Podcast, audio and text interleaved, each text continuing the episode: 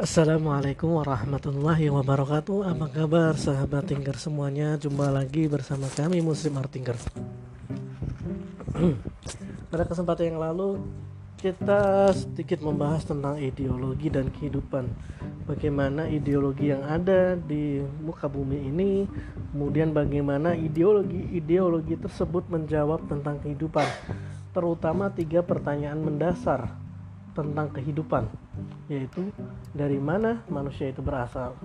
Kemudian untuk apa manusia itu hidup di dunia ini dan akan ke mana manusia itu setelah mati atau setelah terakhir kehidupan di dunia ini.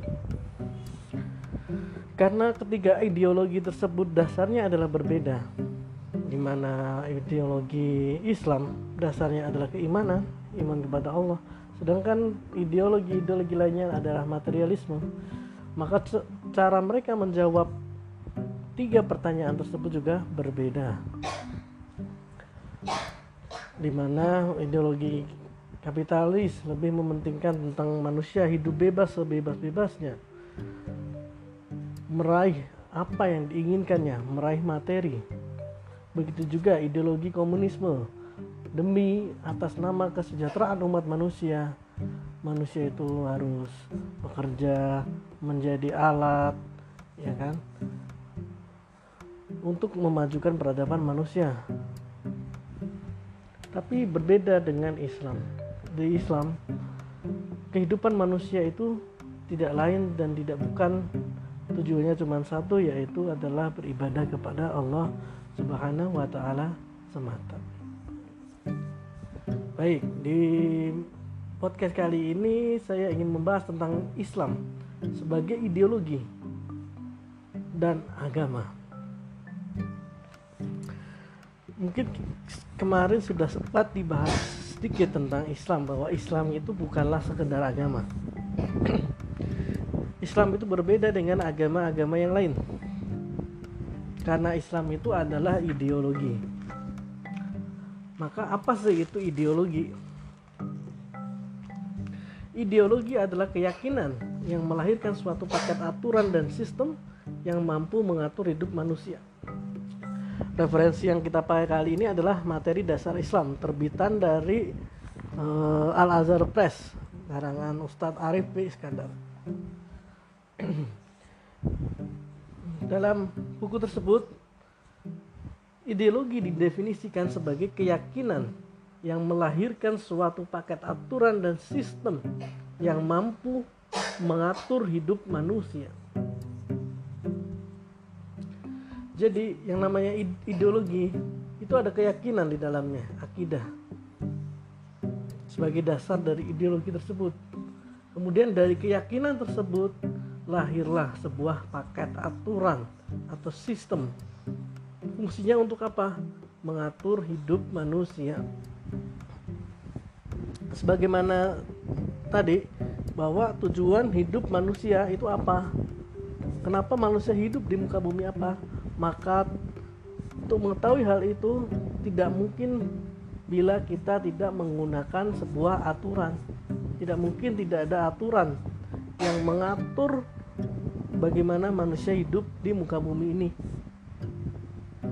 entah itu aturan yang dibuat sendiri oleh manusia seperti pada sekulerisme eh, liberalisme kapitalisme itu di mana manusia bebas menentukan aturan untuk dirinya sendiri atau aturan yang dibuat oleh para pakar komunis ya kan tentang bagaimana manusia itu harus bekerja untuk negara dan lain sebagainya itu kemakmuran bersama.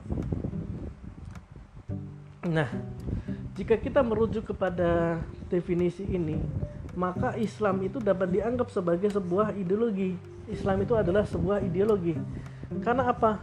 Islam itu memiliki keyakinan, iman. Sebagaimana yang telah kita jelaskan dari awal podcast sampai sekarang tentang berpikir, kemudian berpikir tentang Tuhan, Al-Quran, kenabian Nabi Muhammad, berpikir tentang kehidupan, dan lain sebagainya. Maka Al-Quran adalah keyakinan di dalamnya ada keyakinan atau akidah dan Akidah tersebut memancarkan aturan, sistem aturan yang disebut sebagai syariat. Maka Islam ini adalah ideologi, bukan sekedar agama. Kalau agama-agama lain, mereka mungkin memiliki akidah, mereka mempunyai keyakinan, akan tetapi mereka tidak melahirkan suatu paket aturan sistem yang mampu mengatur kehidupan. Maksud mengatur kehidupan di sini adalah kehidupan umum manusia, kehidupan bermasyarakat, bukan kehidupan nah, pribadi atau ibadah. Kalau agama-agama yang lain pasti ada tata cara ibadah masing-masing pasti berbeda-beda. Akan tetapi agama-agama yang lain tidak memiliki sistem untuk mengatur kehidupan. Bagaimana kita berekonomi, berbisnis bagaimana uh, orang yang melanggar aturan itu diapain dihukum secara apa kemudian bagaimana interaksi antar masyarakat antara lelaki dengan wanita kemudian bagaimana sumber daya alam itu dikelola lalu bagaimana orang memimpin orang lain mengatur sebuah negara semua itu membutuhkan sebuah sistem kehidupan. Di mana sistem tersebut terstruktur dan menjadi suatu paket aturan. Nah, Islam adalah satu-satunya agama yang memiliki sistem tersebut. Dan sistem itu tersebut lahir dari keyakinan Islam, akidah Islam. Maka di sini dikatakan bahwa Islam itu adalah sebuah ideologi. Maka dapat dipastikan dan dibuktikan bahwa Islam bukanlah sekedar agama tapi Islam adalah sebuah ideologi atau mabda. Yang dengannya dapat mengatur kehidupan manusia. Untuk apa? Manusia di bumi ini. Bagaimana mengatur kehidupan manusia. Makanya Islam itu juga bisa dibandingkan disejajarkan dengan sistem-sistem yang ada di muka bumi ini. Yaitu adalah sekulerisme kemudian ada lagi komunisme kapitalisme dan lain sebagainya. Karena Islam adalah ideologi juga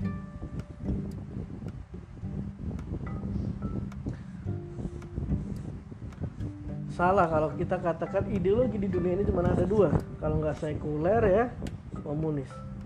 Ternyata itu adalah suatu yang salah karena Islam itu adalah ideologi juga. Sehingga ideologi di dunia ini hanya ada tiga dapat dipastikan semuanya itu bermuara pada tiga ideologi ini. Sekulerisme liberalisme sosialisme komunisme atau ya, Islam. Tidak ada ideologi lain selain ketiga ideologi ini dalam surat Al-Baqarah ayat 208 disebutkan A'udzubillahi minasyaitonirrajim. Bismillahirrahmanirrahim. Ya ayyuhalladzina amanu udkhulu fis-silmi kaffah. Hai orang-orang yang beriman masuklah kalian ke dalam Islam secara keseluruhan. Kafah Ayat ini menunjukkan bahwa kita harus berislam secara keseluruhan atau kafah. Artinya kita mengambil Islam itu bukan sekedar ibadah ritual semata, akan tapi kita ambil Islam sebagai sebuah ideologi keseluruhan seutuhnya kita ambil Islam dari segi ibadah muamalah maupun akhlak maupun juga politiknya kita ambil ekonominya kita ambil dari Islam. Itulah yang dimaksud Islam masuk Islam secara keseluruhan kafah. Dalam perspektif ideologi Islam jelas memiliki keunikan sendiri dibanding agama-agama yang lain. Dari segi wilayah ajarannya Islam tidak hanya mengatur wilayah yang bersifat spiritual yang dicakup rukun iman setelah keyakinan tentang hal gaib tapi Islam juga berpikir politis politis. Bahkan dari mulai bangun tidur sampai bangun negara Islam itu memiliki aturannya.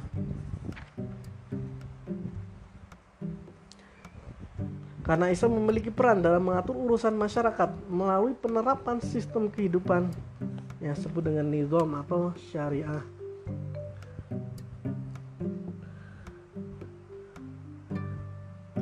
Inilah yang menggambarkan kesempurnaan Islam karena Islam itu tidak sekedar agama saja tetapi Islam adalah sebuah ideologi Nah, inilah kesempurnaan Islam yang ditegaskan oleh Allah SWT dalam surat An-Nahl ayat 89.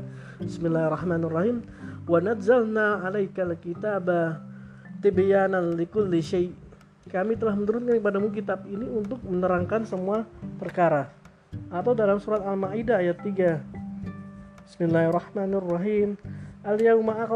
Al-yauma al-yauma akmaltu lakum dinakum wa atmamtu 'alaikum nikmati wa raditu lakumul Islam Madinah.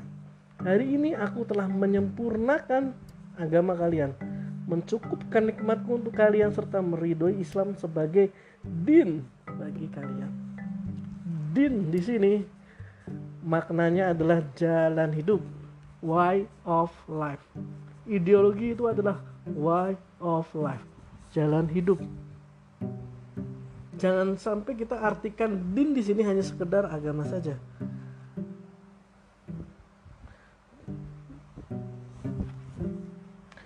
Dari ayat tersebut dapat kita katakan bahwa maka tidak ada satupun hal yang tidak akan diatur kecuali oleh Islam. Artinya Islam mengatur semua hal yang ada dalam kehidupan seperti dunia ini seperti tadi dari bangun tidur sampai bangun negara. Tidak ada yang tidak diatur oleh Islam.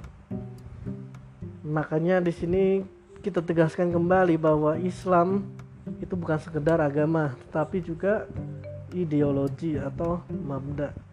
Karena Islam melahirkan sebuah sistem peraturan-peraturan yang dapat mengatur kehidupan manusia baik dari segi mulai dari segi kehidupan pribadi, kehidupan bermasyarakat maupun kehidupan bernegara. Sehingga Islam bukan sekedar agama tetapi juga ideologi. Adapun yang mengatakan bahwa Islam itu bukan ideologi, itu karena adanya pemahaman yang keliru terhadap Islam atau kekurangan pemahaman masyarakat terhadap Islam. Nah, di sini saya ingin menjelaskan bahwa Islam itu ternyata bukan sekedar agama. Buktinya apa? Buktinya buktinya adalah Islam dahulu pernah diemban oleh sebuah negara, pernah berjaya. Dan ternyata pada sistemnya itu berbeda dengan sistem yang ada di sekarang ini. Kepala negara disebut khalifah, kemudian di sana ada bawahan yang namanya muawin, muawin tafidz, muawin Tafidz, kemudian ada apa Amirul Jihad, ada Qadi Kudat, ada Mahkamah Mazalim dan lain sebagainya. Struktur hukumnya pun juga jelas. Yang paling tertinggi adalah mungkin Qadi Kudat, kemudian di bawahnya adalah kodi-kodi. Bahkan kodi tersebut ada banyak macam yang ada kodi pasar, ada kodi yang menangani masalah kezaliman penguasa, dan berbagai macam jenisnya. Itu sekedar contoh saja. Kemudian dari segi ekonominya diatur. Ada yang namanya syirkah. Syirkah pun ada banyak macamnya. Syirkah inan syirkah mudorobah dan lain sebagainya. Udah bagaimana pengelolaan SDA ternyata juga diatur bahwa yang namanya air e, tanah dan api itu adalah milik umat dan hasilnya diberikan kepada umat tidak boleh dijual atau harganya adalah haram. Menurut al hadis artinya bahwa air tanah maksudnya pepohonan air pepohonan dan api energi itu adalah milik umat. Harus dikelola untuk umat. Tidak boleh negara itu ngambil untung dari pemilikan umat tersebut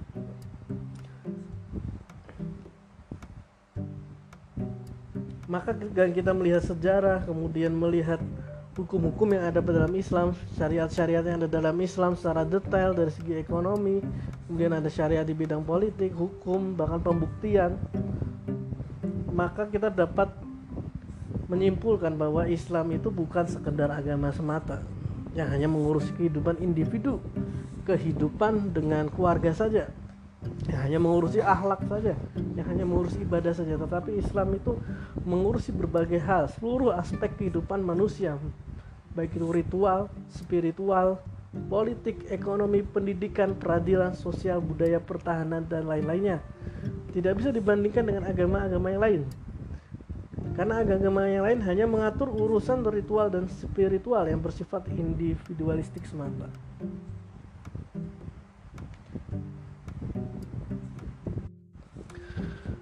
Kemudian uh,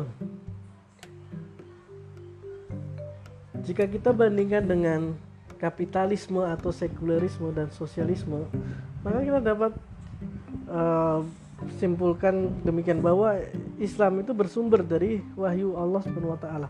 Sedangkan kapitalisme itu bersumber dari akal manusia yang sifatnya terbatas. Di mana dasarnya adalah kalau sekularisme atau kapitalisme adalah pemisahan agama dari kehidupan. Kenapa ada sekularisme? Ini ada sejarah tersendiri bagaimana sekularisme itu muncul, bagaimana komunisme itu muncul. Sebenarnya sekularisme atau liberalisme muncul ini muncul pada awal revolusi industri di Prancis di mana para raja dan para uh, pendeta itu melakukan pengkhianatan kepada masyarakat. Mereka bersekongkol dengan dalih atas nama perintah Tuhan masyarakat harus membayar upeti sekian dan sekian. Padahal upeti tersebut dinikmati oleh raja, dinikmati oleh para pendeta. Hal ini membuat masyarakat itu jengkel. Kemudian beberapa di antara mereka yang telah tercerahkan berpendidikan yaitu para orientalis kemudian berpikir kalau begitu agama tidak boleh mengatur negara. Akhirnya muncullah ide yang namanya sekularisme, di mana agama itu tidak boleh mengatur kehidupan atau pemisahan agama dari kehidupan. Mungkin kita akan lebih bahas bahas lebih detail sejarah ini di podcast podcast berikutnya insya Allah. Jadi ketika mereka memisahkan agama dari kehidupan, agama tidak boleh mengatur masalah politik, sosial, ekonomi, Selain karena disalahgunakan pada zaman tersebut, agama-agama mereka, Katolik, Kristen, dan lain-lain, yang mengatur kehidupan mereka pada saat itu sebenarnya tidak memiliki aturan untuk mengatur kehidupan. Kecuali hanya sekedar ritual dan spiritual belaka. Aturan yang mengatur kehidupan sebelum terjadinya revolusi uh, industri di Perancis itu diatur oleh para raja melalui para pastor. Sehingga aturan itu sebenarnya berasal dari sang raja bukan dari agamanya mereka. Uh, tapi dengan dukungan dari pastor dengan menggunakan dalih-dalih agama kalau ini adalah perintah Tuhan dan lain sebagainya maka aturan tersebut dianggap sebagai aturan yang berasal dari agama mereka. Padahal sebenarnya itu aturan itu berasal dari raja. Inilah awal mula sekularisme akhirnya dengan adanya sekularisme tersebut masyarakat Eropa mulai maju. Mereka tidak takut lagi berpikir kalau ketika zaman sebelum revolusi Prancis mereka tidak berani berpikir mereka tidak berani namanya bereksperimen melakukan metode ilmiah karena akan bertentangan dengan gereja. Seperti sebagaimana dialami oleh Galileo Galilei atau beberapa pemikir lainnya Isaac Newton dan lain sebagainya hingga akhirnya menghambat kemajuan mereka. Maka muncullah sebuah paradigma bahwa ketika mereka meninggalkan agama, mereka mencapai kemajuan. Akan tetapi sistem ini tidak bisa dipakai oleh umat Islam. Karena yang terjadi pada umat Islam justru sebaliknya. Ketika umat Islam itu meninggalkan agama mereka, mereka justru mengalami kemunduran jadi umat Islam itu justru akan maju ketika mereka menggunakan agama mereka dari kehidupan sebagaimana dahulu kala di masa kekhalifahan. Begitu pula dengan komunisme. Komunisme itu muncul sebagai antitesis terhadap kapitalisme liberal yang mana mengeksploitasi manusia hanya demi kepentingan materi sehingga muncul ketimpangan sosial antara si kaya dan si miskin lalu Karl Marx dan teman-temannya pemikir orientalis pada masa itu memunculkan ide baru sebuah gagasan baru sistem baru yang namanya sosialisme komunis sistem sekuler kapitalis sosialis komunis ini merupakan sistem yang ada untuk mengatur kehidupan karena apa? Karena masyarakat non Islam yang tidak beragama Islam itu tidak memiliki aturan untuk mengatur kehidupan selepas mereka bebas dari sistem kerajaan. Sehingga mau nggak mau mereka membuat aturan sendiri untuk kehidupan mereka. Hal ini tidak berlaku untuk Islam. Sebab Islam itu adalah agama sekaligus ideologi yang mana memancarkan menghasilkan aturan dari keyakinan yang ada di dalamnya itu syariat Islam.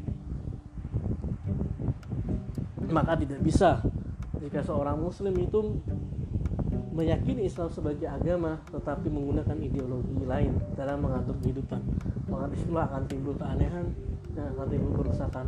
Bagaimana terjadi pada saat ini? Maka kami mengajak sobat sekalian sahabat tingkat sekalian untuk menggunakan Islam bukan sekedar agama tapi menggunakan Islam sebagai ideologi kita sudah buktikan kemarin kita coba berpikir tentang kehidupan. Bagaimana uh, yang namanya manusia itu hanya dapat dipahami oleh yang menciptakan manusia. Sebagaimana uh, barang buatan manusia itu hanya bisa diketahui oleh pabrik membuatnya handphone bermerek Samsung yang paling tahu ya pabrik Samsung. Handphone merek Apple yang paling tahu yang pabrik Apple. Handphone merek iPhone maaf. Yang paling tahu ya Apple ketika rusak kita bawa ke counter Samsung nggak akan bisa. Begitu juga sebaliknya. Atau ketika kita ingin mengoperasikannya pasti berbeda antara Samsung dengan Apple atau Xiaomi ya. Kan? jadi mereka sesuai dengan pembuatnya. Siapa yang membuat? Jadi yang paling tahu tentang yang dia buat. Begitu pula juga dengan ciptaan makhluk yang ada di muka bumi ini. Yang paling tahu tentang manusia itu adalah sang khalik penciptanya. Untuk apa manusia hidup? Untuk apa bagaimana caranya menggunakan aturan apa manusia hidup? Maka yang paling tahu adalah yang menciptakan manusia itu sendiri. Kita bisa lihat buktinya bahwa contoh seperti berbagai ayat di Al-Quran yang menjelaskan tentang bagaimana uh, bayi apa maksudnya manusia terbentuk mulai dari sperma kemudian dari zigot embrio bayi kan? Tapi manusia baru bisa membuktikannya. 13 abad kemudian setelah Al-Quran itu diturunkan. Ini menunjukkan bahwa manusia itu terbatas. Sekaligus ini menunjukkan bahwa kitab itu berasal dari Allah SWT bahwa ini adalah kitab dari Allah SWT yang pencipta yang tahu maha, maha sesuatu yang maha tahu. Banyak lagi hal-hal lain seperti bagaimana gunung itu bergerak sebagaimana kapal di lautan. Kemudian ada laut yang ada penghalang di antara keduanya sehingga kedua lautan sendiri tidak tercampur. Semua termaktub di dalam Al-Quran. Dan ternyata manusia baru bisa membuktikannya sekitar 100-200 tahun belakang. Padahal Al-Quran sudah ada 1400 tahun yang lalu. Ini membuktikan keterbatasan manusia. Manusia itu tidak tahu tentang dirinya sendiri. Manusia tidak tahu tentang alam semesta pengetahuan manusia itu terbatas. Maka bagaimana mungkin manusia itu bisa membuat aturan tentang dirinya sendiri? Ketika pengetahuan mereka tentang dirinya sendiri aja terbatas maka bagaimana dia bisa membuat aturan untuk dirinya sendiri? Begitu juga tentang alam semesta. Karena pengetahuan mereka tentang alam semesta pun masih terbatas dan masih terus berkembang bagaimana mungkin manusia bisa membuat aturan untuk alam semesta yang cocok yang tepat untuk alam semesta yang cocok untuk dirinya sendiri cocok untuk manusia. Makanya karena manusia tidak tahu apa tentang dirinya yang paling tahu adalah sang pencipta maka di sini adalah suatu kewajaran bahwa manusia itu menggunakan aturan dari yang menciptakan. Karena dia yang paling tahu sang pencipta itu yang paling tahu tentang dirinya tentang alam semesta ini tentang kehidupan maka aturan dari sang pencipta itulah yang wajar digunakan. Karena dialah yang paling tahu. Sebagaimana kewajaran menggunakan panduan buku manual dari Samsung untuk handphone yang merek Samsung. Atas bagaimana kewajaran menggunakan panduan mesin cuci merek Aqua ya kan? Atau merek X nah. untuk mesin cuci merek X tidak bisa pakai panduan Y atau malah kita buat sendiri panduannya. Yang terjadi bisa jadi barang tersebut rusak atau tidak maksimal fungsinya. Atau salah penggunaan. Begitu juga manusia. Jika manusia mau hidup secara maksimal sesuai dengan kehidupannya sesuai dengan fitrahnya maka dia harus mengikuti aturan dari yang menciptakannya yaitu Allah Subhanahu wa taala aturan yang berasal dari Allah Subhanahu wa taala maka Islam tidak hanya digunakan untuk mengatur ritual dan spiritual tetapi Islam juga mengatur politik, ekonomi, budaya, hukum, pertahanan, bahkan keamanan. Eh, sekian podcast hari ini. Apabila ada kesalahan itu murni dari kami pribadi, apabila ada kebenaran itu datang dari Allah Subhanahu wa taala. Ada bila apabila ada saran, kritik, komen, silakan hubungi Instagram kami di Muslim Art Tinker atau di Facebook page kami Muslim Art Tinker juga. Assalamualaikum warahmatullahi wabarakatuh. Sampai bertemu minggu berikutnya. Salam pemikir.